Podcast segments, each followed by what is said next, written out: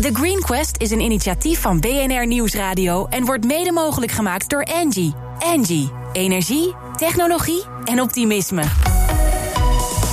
BNR Nieuwsradio. The Green Quest. Harm Edens.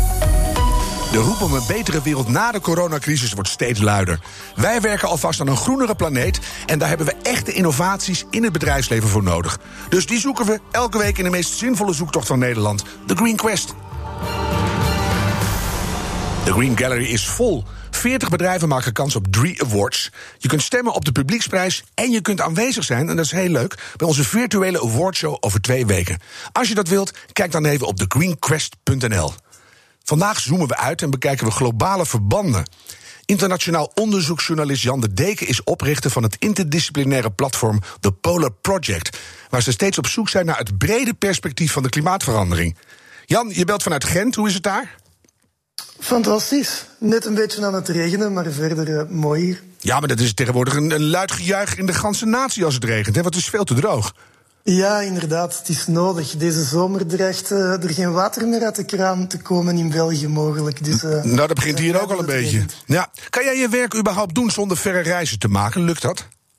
Moeilijk. Ik heb de laatste maanden een paar Skype-interviews gedaan, maar dat beviel me toch niet zo echt. Dus ben ik eigenlijk de volgende reizen al aan het voorbereiden. Eind dit jaar mag ik naar het Noordpoolgebied en Zambia, dus ik ben daar al een beetje aan het werken. Noordpool en Zambia? Ja. Oh, daar ben ik alle twee toevallig geweest. Nou, dan hoop ik daarna weer met jou in gesprek te gaan. Want er zijn uh, flinke rare dingen gaande. Jij begon uh, ongeveer een jaar geleden met de Polar Project. Had je daar een concrete aanleiding voor? Uh, ja, die aanleiding was eigenlijk een speech van VN-secretaris-generaal Antonio Guterres voor de Verenigde Naties op de Algemene Vergadering. Die had het een tweetal jaar geleden in zijn speech weer over uh, die enorme dreiging van klimaatverandering die eraan komt, wat mm -hmm. natuurlijk fantastisch is. Maar hij had het over uh, voorspellingen, over drama's die gaan gebeuren binnen vijf jaar, binnen tien jaar. En ik dacht, ja nee, die storytelling zit, zit compleet fout. Het is nu al aan het gebeuren en je motiveert mensen niet om in actie te schieten door iets wat binnen tien jaar gaat gebeuren.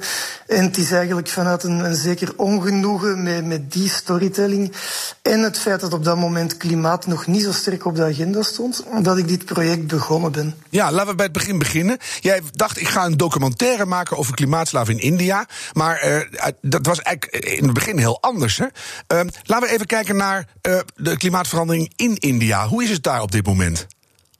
Ja, India is een van de meest geaffecteerde landen wereldwijd, toch volgens de Wereldbank en volgens allerlei internationale lijstjes. En die impact is er op, op veel verschillende manieren, afhankelijk van de regio. Mm-hmm. Uh, er waren de afgelopen jaren heel veel dodelijke overstromingen, onder andere omdat de gletsjers in het Himalaya-gebergte uh, smelten. Veel andere regio's die kreunen dan weer onder droogte. In de deelstaat Maharashtra, waar Mumbai ligt onder andere, ja is er het fenomeen van de farmer suicides. Um, de afgelopen jaren hebben daar al meer dan 4700 boeren zelfmoord gepleegd. Vaak door hun, hun, eigen pesticiden te drinken, door zich op te hangen, omdat ze geen uitweg meer zien. Het regent niet meer. In de zomer zijn er dan plots hagelstormen die hun oogsten vernielen. Ja. Um, een groot deel van mijn onderzoek speelde zich af in de Sundarbans, een mangrovengebied op de grens van India en Bangladesh. Um, in die Sundarbans stijgt de zeespiegel met drie centimeter per jaar. Dat is tien keer sneller dan gemiddeld wereldwijd. Ja.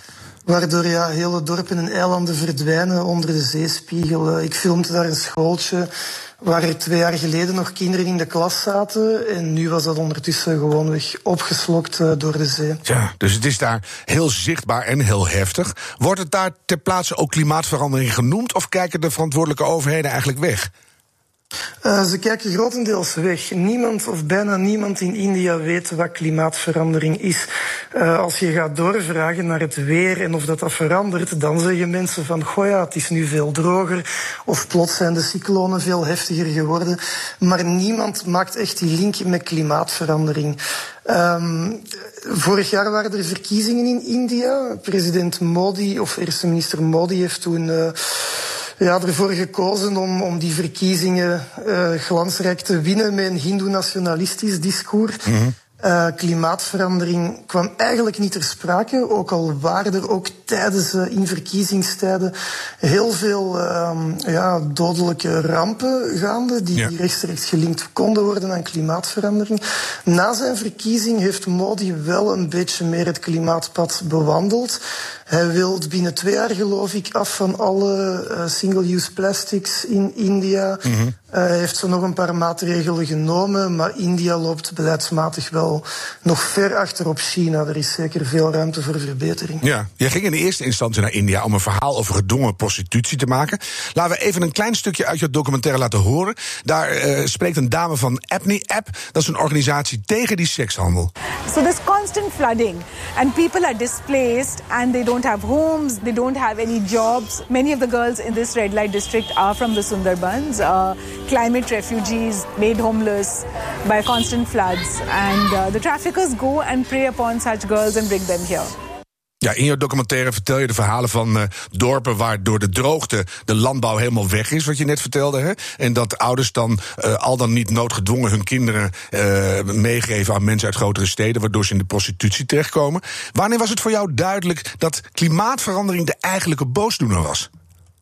Goh, klimaatverandering is zeker niet de enige of de eerste boosdoener. Mm -hmm. um, slavernij, mensenhandel, seksslavernij zijn, zijn pertinente problemen in India al heel lang. De Thomson Reuters Foundation noemt India zelfs uh, het gevaarlijkste land ter wereld voor vrouwen. En dat ja. komt voor een groot stuk omdat zij zo hoog scoren in, in die indexen van, uh, van slavernij, gedwongen prostitutie, kindhuwelijken. Uh, maar het is, het is duidelijk wel een pushende factor in, in veel regio's. Waar het mij vooral heel duidelijk was dat klimaatverandering hier een belangrijke rol speelt, is in de Sundarbans, in die mangrove-regio. Ja. Al decennia lang verhuizen mannen of in, in, uh, in jonge gezinnen, soms koppels, die, die trekken weg uit die regio om ergens anders werk te gaan zoeken. Maar wat vrij nieuw is, is dat nu ook de jonge meisjes moeten vertrekken, omdat er simpelweg geen manier van overleven meer is. Cyclonen hebben ervoor gezorgd dat, uh, dat zeewater de, de landbouwgronden en de rivieren is uh, ingespoeld, waardoor die verzield zijn. Ja. Daarmee zijn met visvangst en landbouw de laatste inkomstenbronnen weggevallen. Mensen, gezinnen kunnen daardoor geen bruidschat meer betalen voor hun jongste dochter, wat cultureel heel belangrijk is. Um, dan komen er mensenhandelaars, zoals Rushira Gupta, die vrouw van uh, Abne Aap uh, net zei. Prey upon these girls. Die komen daartoe. Die zeggen tegen die families van kijk, uh, ik heb een rijke man voor jou in Kashmir, een mooie grote man. En je moet zelfs geen bruidschat betalen. Meer nog zelfs, je krijgt geld er bovenop. Ja. Ja, die mensen die zijn wanhopig, uh, vaak heel laag opgeleid, vaak niet naar school geweest. Nee. Die geloven dat en uh, die gaan daarop in. Veel van die meisjes belanden dan in Sonagachi bijvoorbeeld, die prostitutiewijk waar uh, die NGO, werkt. Ja. En eenmaal ze daar belanden in, in slavernij, geraken ze zelden nog weg. Ja, het is zo'n treurig verhaal. En nou noem je allerlei oorzaken. En misschien wel de, de ergste is dat in India die, die lange traditie van kindhuwelijk en kinderprostitutie al is. Waardoor heel veel mensen kunnen zeggen: ja, maar dat was er al. Dus die klimaatverandering, ja, die is helemaal niet de echte oorzaak. Hoe zie jij uh, voor de toekomst van India een uitweg? Want het is zo'n opeenstapeling van grote oorzaken. Ja, een uitweg is heel moeilijk, want dan moet hij inderdaad aan die verschillende oorzaken iets gaan doen. Hè. Mm-hmm. Uh, kindhuwelijken aanpakken zou in principe makkelijk moeten zijn, want ze zijn al vele decennia lang verboden in India. In de praktijk blijkt dat veel lastiger te zijn. Nog lastiger dan dat natuurlijk is de, de oorzaken van klimaatverandering gaan aanpakken. Meer dan de helft van de Indiërs zijn boeren, leven van de landbouw. Ja. Landbouw is natuurlijk ook een, een, deel van het probleem. Er is nu al te weinig water. Die landbouw die heeft heel veel water nodig. Creëert conflicten tussen steden en het platteland. Ik ben in steden geweest waar nu om de andere dag het water wordt afgesloten, mm-hmm. omdat er te weinig water is. Het, is een beetje een, een, mission impossible voor de Indische overheid, denk ik. Op de middellange termijn moet je die klimaatverandering gaan aanpakken. Op de korte termijn moet je die mensenhandel gaan aanpakken. Ik denk in de eerste plaats moet er perspectief gecreëerd worden voor mensen in regio's die het moeilijk hebben. Want ja, migratie is van alle tijden. En daar hebben mensen die, die kritiek zouden uiten dat dit altijd heeft bestaan, daar hebben die een punt. Alleen is nu door klimaatverandering die, uh, die migratie in een stroomversnelling gekomen. En zijn er nog veel meer mensen die van het platteland in de buitenwijken van steden ja. belanden en daar in heel kwetsbare posities belanden. Uh, waar zij makkelijk slachtoffer kunnen voor worden van die mensenhandel. Ja, en het, het klinkt dan zo uitzichtsloos. Dat, dat is ook een verhaal wat je eigenlijk niet uh, de wereld in wil sturen. Denk jij dat als wij hier in Europees verband en misschien in het Rijke Westen veel serieuzer met de klimaatverandering aan de slag gaan, dat dat uiteindelijk voor India ook een positief effect gaat hebben? Want we moeten ze toch iets van perspectief bieden. Ja, sowieso. Hè. Klimaatverandering is geen lokaal fenomeen. De aarde uh, warmt overal op. En het zijn, ironisch genoeg, vooral in, in de armere landen, de mhm. kwetsbare landen. De economisch kwetsbare landen, die zijn ook het kwetsbaarst voor uh, klimaatverandering. Zoals ik al zei, in de ja. Soenderbans stijgt de zeespiegel drie, tien keer sneller dan, uh, dan hier bij ons. En mm zij kunnen geen dammen en muren en dijken bouwen zoals wij dat wel kunnen doen. Dus ik denk dat het sowieso aan de Europese Unie is natuurlijk ook en aan Europese landen om actie te ondernemen, zowel wat betreft eh, de leiding nemen. Wij gaan het uh, met z'n uh, allen zwaar ter hand nemen. Um, er zitten toch een paar kleine lichtpuntjes in jouw documentaire door de lokale NGO die daar slachtoffers af en toe uit hun benarde positie weten te bevrijden. Is, is voor de luisteraars jouw documentaire ergens online terug te vinden? Ja, die is uh, terug te vinden op mijn website polarproject.be. Um, en daar is ook het, bredere dossier uh, beschikbaar. Er staat ook een multimediale longread met meer achtergrondinformatie online. Mooi, ik ben heel blij dat je dit verhaal uh, aan de oppervlakte hebt gebracht, Jan. En ik denk dat heel veel luisteraars gaan kijken. De polarproject.be van België. Ik ga je enorm bedanken en nou ja, tot de volgende keer. En ik hoop dat er dan wat meer hoop aan de horizon gloort. Jan de Deken van de Polar Project. BNR Nieuwsradio. The Green Quest. Harm Edens. Nu onze Green Gallery gevuld is met 40 superondernemers, heb ik mooi de kans om het in de aanloop naar onze grande finale te hebben over internationale verbanden. Aan de lijn hangt Henriette Wals. Zij werkt voor de Rainforest Alliance als Global Lead Deforestation. Want we gaan het hebben over het verband tussen coronavirussen en ontbossing.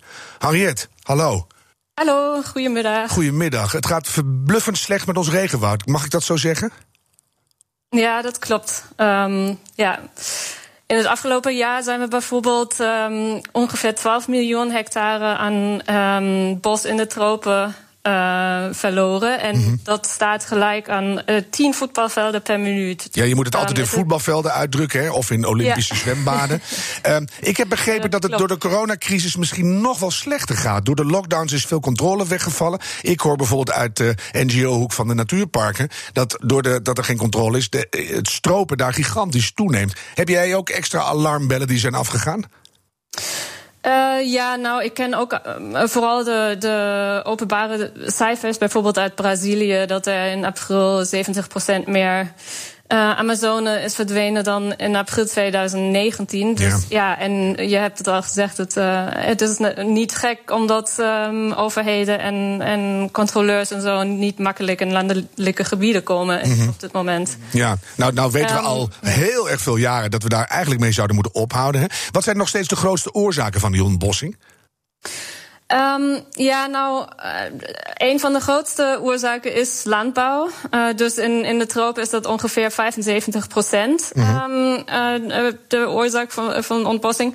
En dat hangt dan een beetje af um, of, de, of het kleinschalige of grootschalige landbouw is, welke regio je, je naar kijkt. Ja. En de vier gewassen voor wie het meest wordt ontbost zijn nog steeds ook uh, hout, vee, palmolie en soja. Ja. Maar ook voor cacao bijvoorbeeld. Wij werken uh, veel met cacao. Is in de afgelopen decennia veel ontbost. Mm -hmm. um, vooral in West-Afrika, in Ivoorkust en Ghana, waar heel veel van onze cacao natuurlijk vandaan komt. Ja. Um, dus ja, ja, dat zijn heftige cijfers.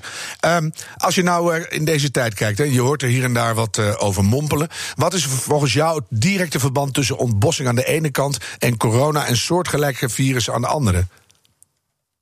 Ja, er is een uh, duidelijke relatie tussen ontbossing en pandemieën of um, de, de oorsprong van infectieziekten. Want -hmm. sowieso komen de meerderheid van infectieziekten van wilde dieren naar de mens.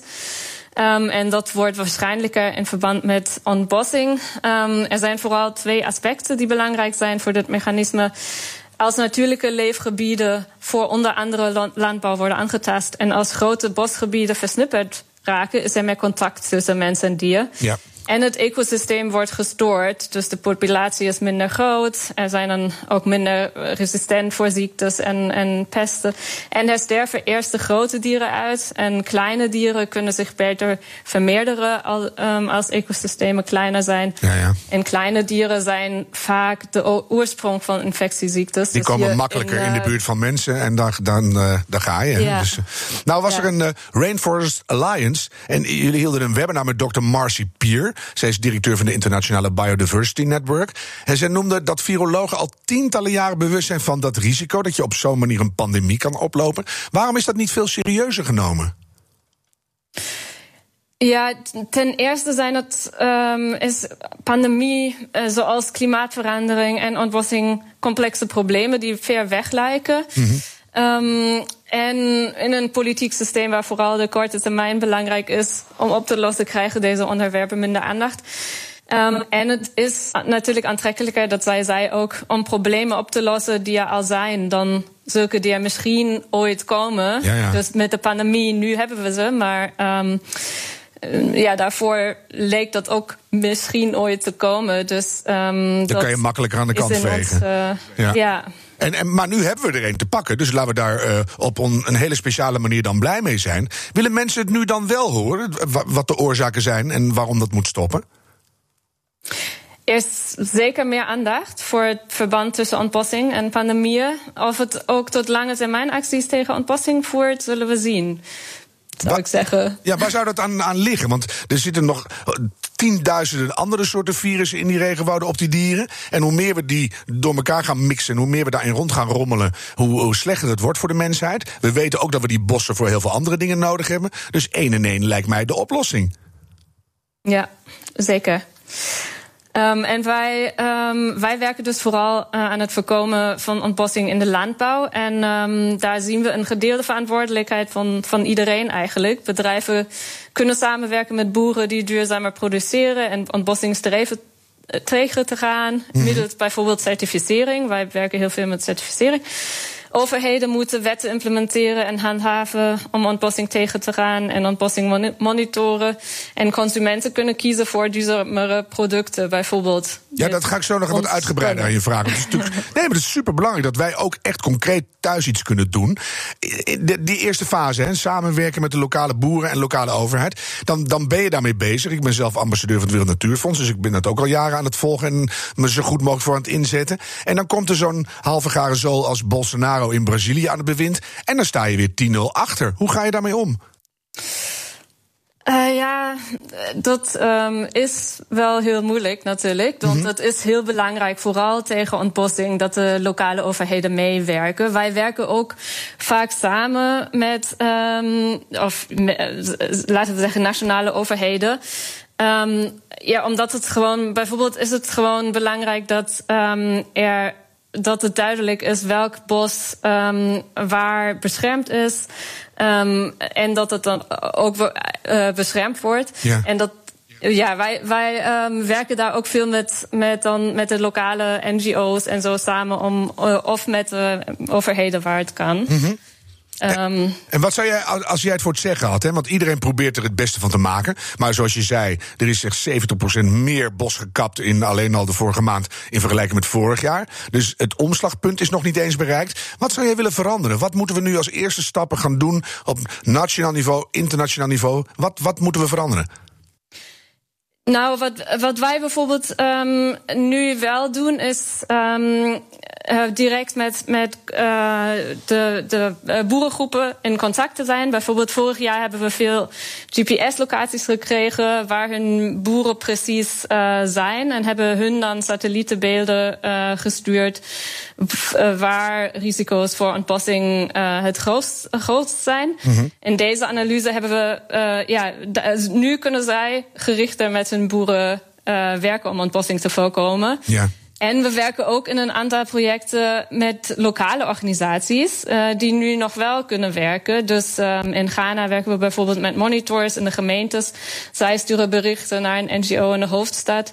Um, en uh, dat gebeurt uh, ook gewoon nog steeds. Dus um, er kunnen wel heel veel dingen ook remote gebeuren. Mm -hmm. Um, en, en er zijn um, ja, er zijn ook op dit moment bijvoorbeeld uh, discussies op, op Europees niveau, niveau, natuurlijk. In het uh, kader ook van de Green New Deal. Ja. Over nieuwe wetten, wetten tegen ontbossing en zo. Er, er gebeurt wel uh, veel op dit moment. Maar dat was eigenlijk mijn volgende vraag. Vind jij dat Frans Timmermans in Europese band veel harder moet slaan op Brazilië, op al die Afrikaanse landen? Want het is het laatste regenwoud dat we hebben. We maken miljarden vrij om nu in de, nou, zelfs biljoenen maken we vrij om uh, in, in die Europese economie te pompen, Amerikaanse economie. En waarom niet een paar miljard vrijmaken om die regenwouden concreet te beschermen? Waarom, waarom blijven we in apathie hangen? Wat denk jij? Um, ja, het moet natuurlijk altijd in uh, samenwerking met uh, die overheden. En um, er, zijn, er is wel, um, er zijn, de Europese Unie heeft wel veel uh, plannen uh, nu met een um, deforestation action plans ook om, om um, partnerschappen met die landen aan te gaan.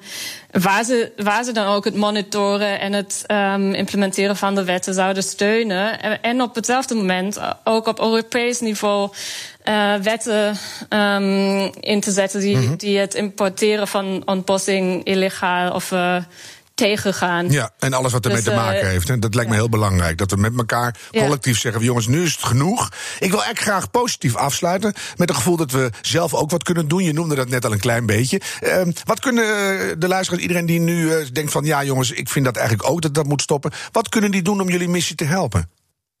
Nou, wij werken dus, of wij hebben dus een certificeringsprogramma voor duurzame landbouw van cacao, koffie, thee en bananen. Mm -hmm.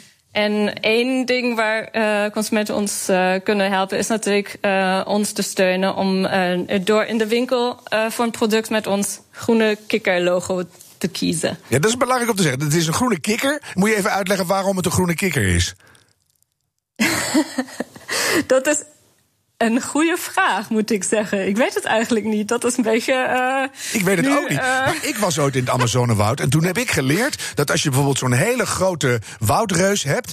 En als je die omkapt, dat je dan al één soort boomkikker helemaal kwijt bent. Omdat er per boom een hele bijzondere, unieke kikker. die legt zijn eitjes boven in zo'n hangplant, in zo'n plasje. En dan als die uitkomt, kruipt hij naar beneden. Dan gaat hij op de grond paren en weer nieuwe, nieuwe kikkertjes maken. En die kruimen weer omhoog. En dus heb je een soort mini-ecosysteempje in die hele boom.